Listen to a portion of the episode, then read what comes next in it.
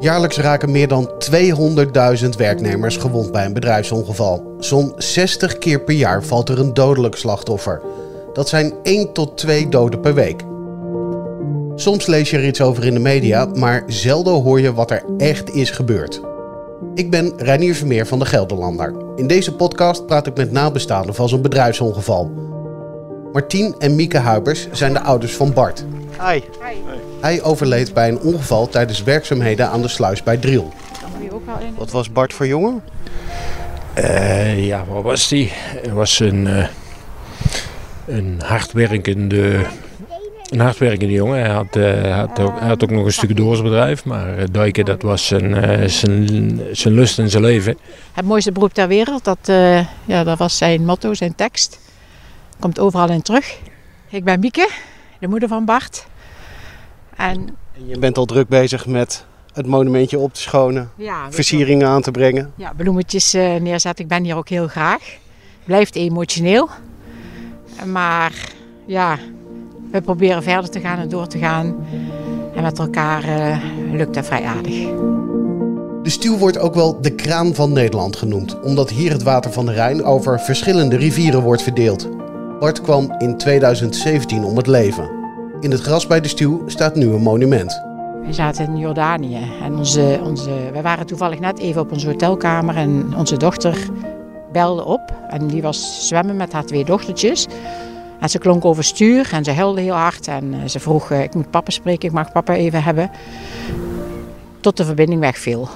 En toen zei ik van nou, er is wel iets flink mis. Maar ik dacht, een van die kindjes is verdronken, want die waren zwemmen. Natuurlijk belde ze gelijk terug en eh, ja, ze schreeuwde ook even van mama, papa, Bart is dood, Bart is dood. Ja, dan weet je niet meer, dan zak je in elkaar. Ik heb zo geschreeuwd dat het hele hotel, denk ik, eh, het gehoord moet hebben. En ja, en dan, dan Martin is gaan regelen om, om zo snel mogelijk een ticket te boeken en eh, ja, naar huis te zien komen. Eh, en dat, dat is- natuurlijk ook wel gelukt. Ja, en dan kom je in Gemert aan en ja, dan wachten ze ons buiten op. eh, en onze dochter in tranen natuurlijk. En dan kom je binnen en dan, ja, zie je daar allemaal bedroefde mensen zitten natuurlijk. En eh, ja, het is gewoon heel erg. Het is gewoon verschrikkelijk. Het zit echt wel elke dag in je. Je denkt er elke dag aan. En soms eh, kun je het gewoon niet aan. Zo dat gevoel heb je dan natuurlijk wel. Ondanks dat je wel probeert door te gaan. Van, nou kom maar weer naar huis. Het is nu lang genoeg geweest. Eh, je kunt bijna niet omschrijven hoe, hoe het voelt. Van, eh, ondanks dat het natuurlijk vier jaar is. Maar voor ons voelt het natuurlijk als gisteren. Zoals iedereen eigenlijk zegt. Maar ehm, Het gevoel zegt nog steeds, hey Esther, kom maar thuis. Ja, je, je, je wil gewoon dat je naar huis komt. Van kom nu, nu moet je ook echt naar huis komen. Het is nu lang genoeg geweest. Kijk, je weet wel beter. Maar ja, het is... ehm, ja, het zit gewoon elke dag in je. Dat, is echt zo. Maar dat wil niet zeggen, ik, we gaan wel door en ik, ik, ik probeer iets van mijn leven te maken. En dat lukt ook al aardig hoor. Maar dat, dat is een verdriet eh, ja, die, die ieder mens voelt, eh, die zoiets meemaakt. Het is ook bijna niet uit te leggen wat je voelt. Het doet gewoon pijn, hè? dat pijn zo'n pijn kan doen eigenlijk.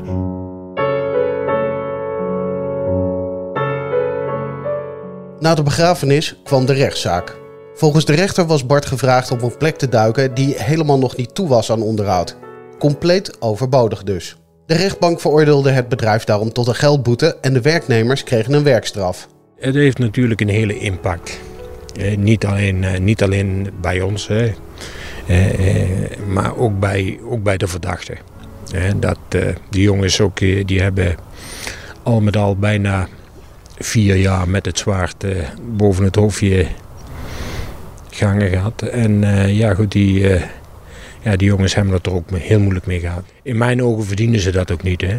In, in het begin natuurlijk wel. In het begin denk je, jongens, eh, ja, degene die, die schuldig is, die moet hangen. De ouders van Bart hadden de rechter juist gevraagd om geen straf te geven, maar de verplichting op te leggen om een verbeterplan te maken. Maar goed, dat heeft hij dus niet geaccepteerd. En, eh, of tenminste, niet geaccepteerd, maar genegeerd. En eh, hebben zelf een straf toegewezen. Maar goed, de verdachten die zijn in hoger beroep gegaan. En uh, mogelijk kan ik het de volgende keer nogmaals eens proberen om te vragen aan de rechter om die mannen te straffen met een, met een veiligheidsverbeterplan. Want daar worden we allemaal beter van. En niet alleen uh, ja, een boete. Nou, die centen die verdwijnen in, uh, in, in de staatskas en uh, er wordt niks mee gedaan. Hè? En ik heb veel liever dat zo'n bedrijf een campagne opzet om de mensen toch maar te overtuigen van jongens, let op, dit gebeurt er. Als, of dit, dit, dit overkomt je als, als, als je betrokken bent bij een bedrijfsongeval. Hè. Martien en Mieke willen de duikwereld veiliger maken. Ze hebben daarover contact met twee nabestaanden uit Helmond die ook iemand verloren door een bedrijfsongeval. Ze hebben samen met succes een politieke lobby gevoerd om de arbeidsinspectie anders om te laten gaan met bedrijfsongevallen. En die staat hetzelfde in als wij erin staan. En die gaf een presentatie en daar zijn we naartoe geweest, twee weken geleden. Kan je zeggen, dat heeft heel veel indruk gemaakt. En dan word je pas ook wel echt wakker. Eh, dat je, wat je, beseft, dat je beseft wat een veiligheidsverbeterplan betekent. Het was gewoon muisstil. En er zat een bedrijf uh, waar hun die presentatie aan gaven. En die zijn wel wakker geworden. Ik denk wel dat dat bedrijf. Iedereen, iedereen, wordt wakker. Op het moment dat je, dat je eh, ja, toegesproken wordt door een nabestaande of iemand uh, ja, die, uh, die er direct bij betrokken bent, of betrokken is. Ja, dat komt heel anders over hè, bij mensen. Kijk, als er iemand komt met een, een driedelig pak en een stropdas en die gaat eens even vertellen: jongens hey, jullie moeten dit, dat en, uh, en zo doen. Ja, dat komt, dat komt niet zo over. Maar als je dus direct. En, en, en, en je zag die mensen ook met emotie praten. Ja, ja dat, dat, komt, dat komt hard aan bij, uh, bij mensen. Alle betrokkenen zijn in hoger beroep gegaan tegen hun straf. Een datum voor de nieuwe rechtszaak is er nog niet. In de volgende aflevering vertelt officier van justitie Siberen Buist wat er na een arbeidsongeval allemaal gebeurt. Het gaat er niet om om mensen, bedrijven, verdachten uh, uit te kleden, uh, straffen te bezorgen. Het gaat erom dat dingen veranderen. En dat kan ook heel goed in het kader van een strafzaak. Wil je meer weten over het verhaal van Bart, Martien en Mieke of meer weten over onze serie over bedrijfsongevallen? Ga dan naar dg.nl slash in het harnas of dg.nl slash podcast. Dit is een podcast van De Gelderlander.